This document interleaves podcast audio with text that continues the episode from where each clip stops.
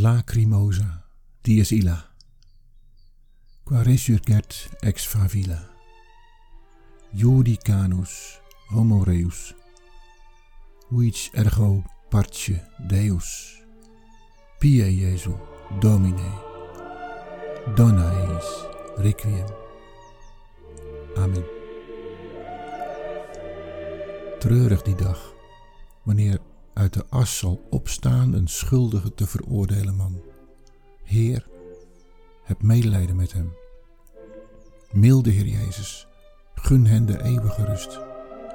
Amen.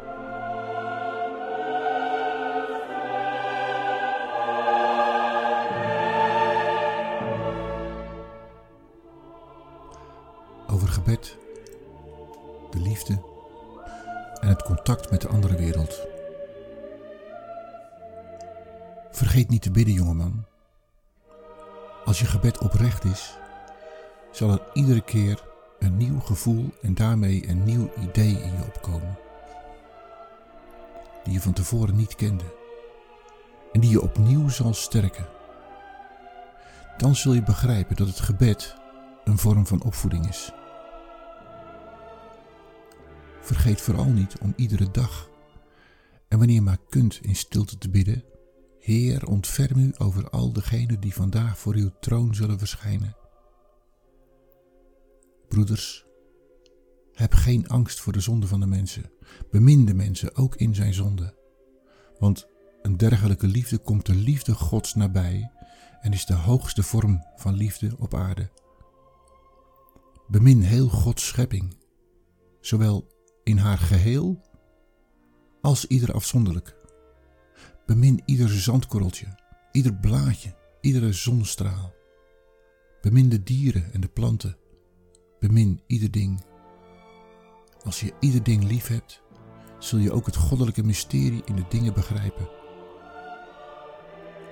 Vanaf dat moment af zul je er iedere dag dieper in doordringen en tenslotte zul je heel de wereld beminnen met een allesomvattende, universele liefde. Bemin de dieren, God heeft hun een kiem van het denken en een vreedzaam geluk gegeven.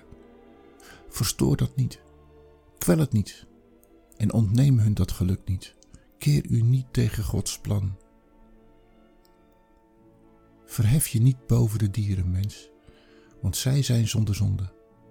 En jij met al je goedheid verpest de aarde en laat een verpestend spoor na. Dat geldt helaas voor nagenoeg een ieder van ons. Hou vooral veel van kinderen, want ook die zijn zonder zonde, zoals de engelen. En hun leven ontroert ons, zuivert onze harten en het is voor ons een teken. Dostoevsky uit de gebroeders Karamazov.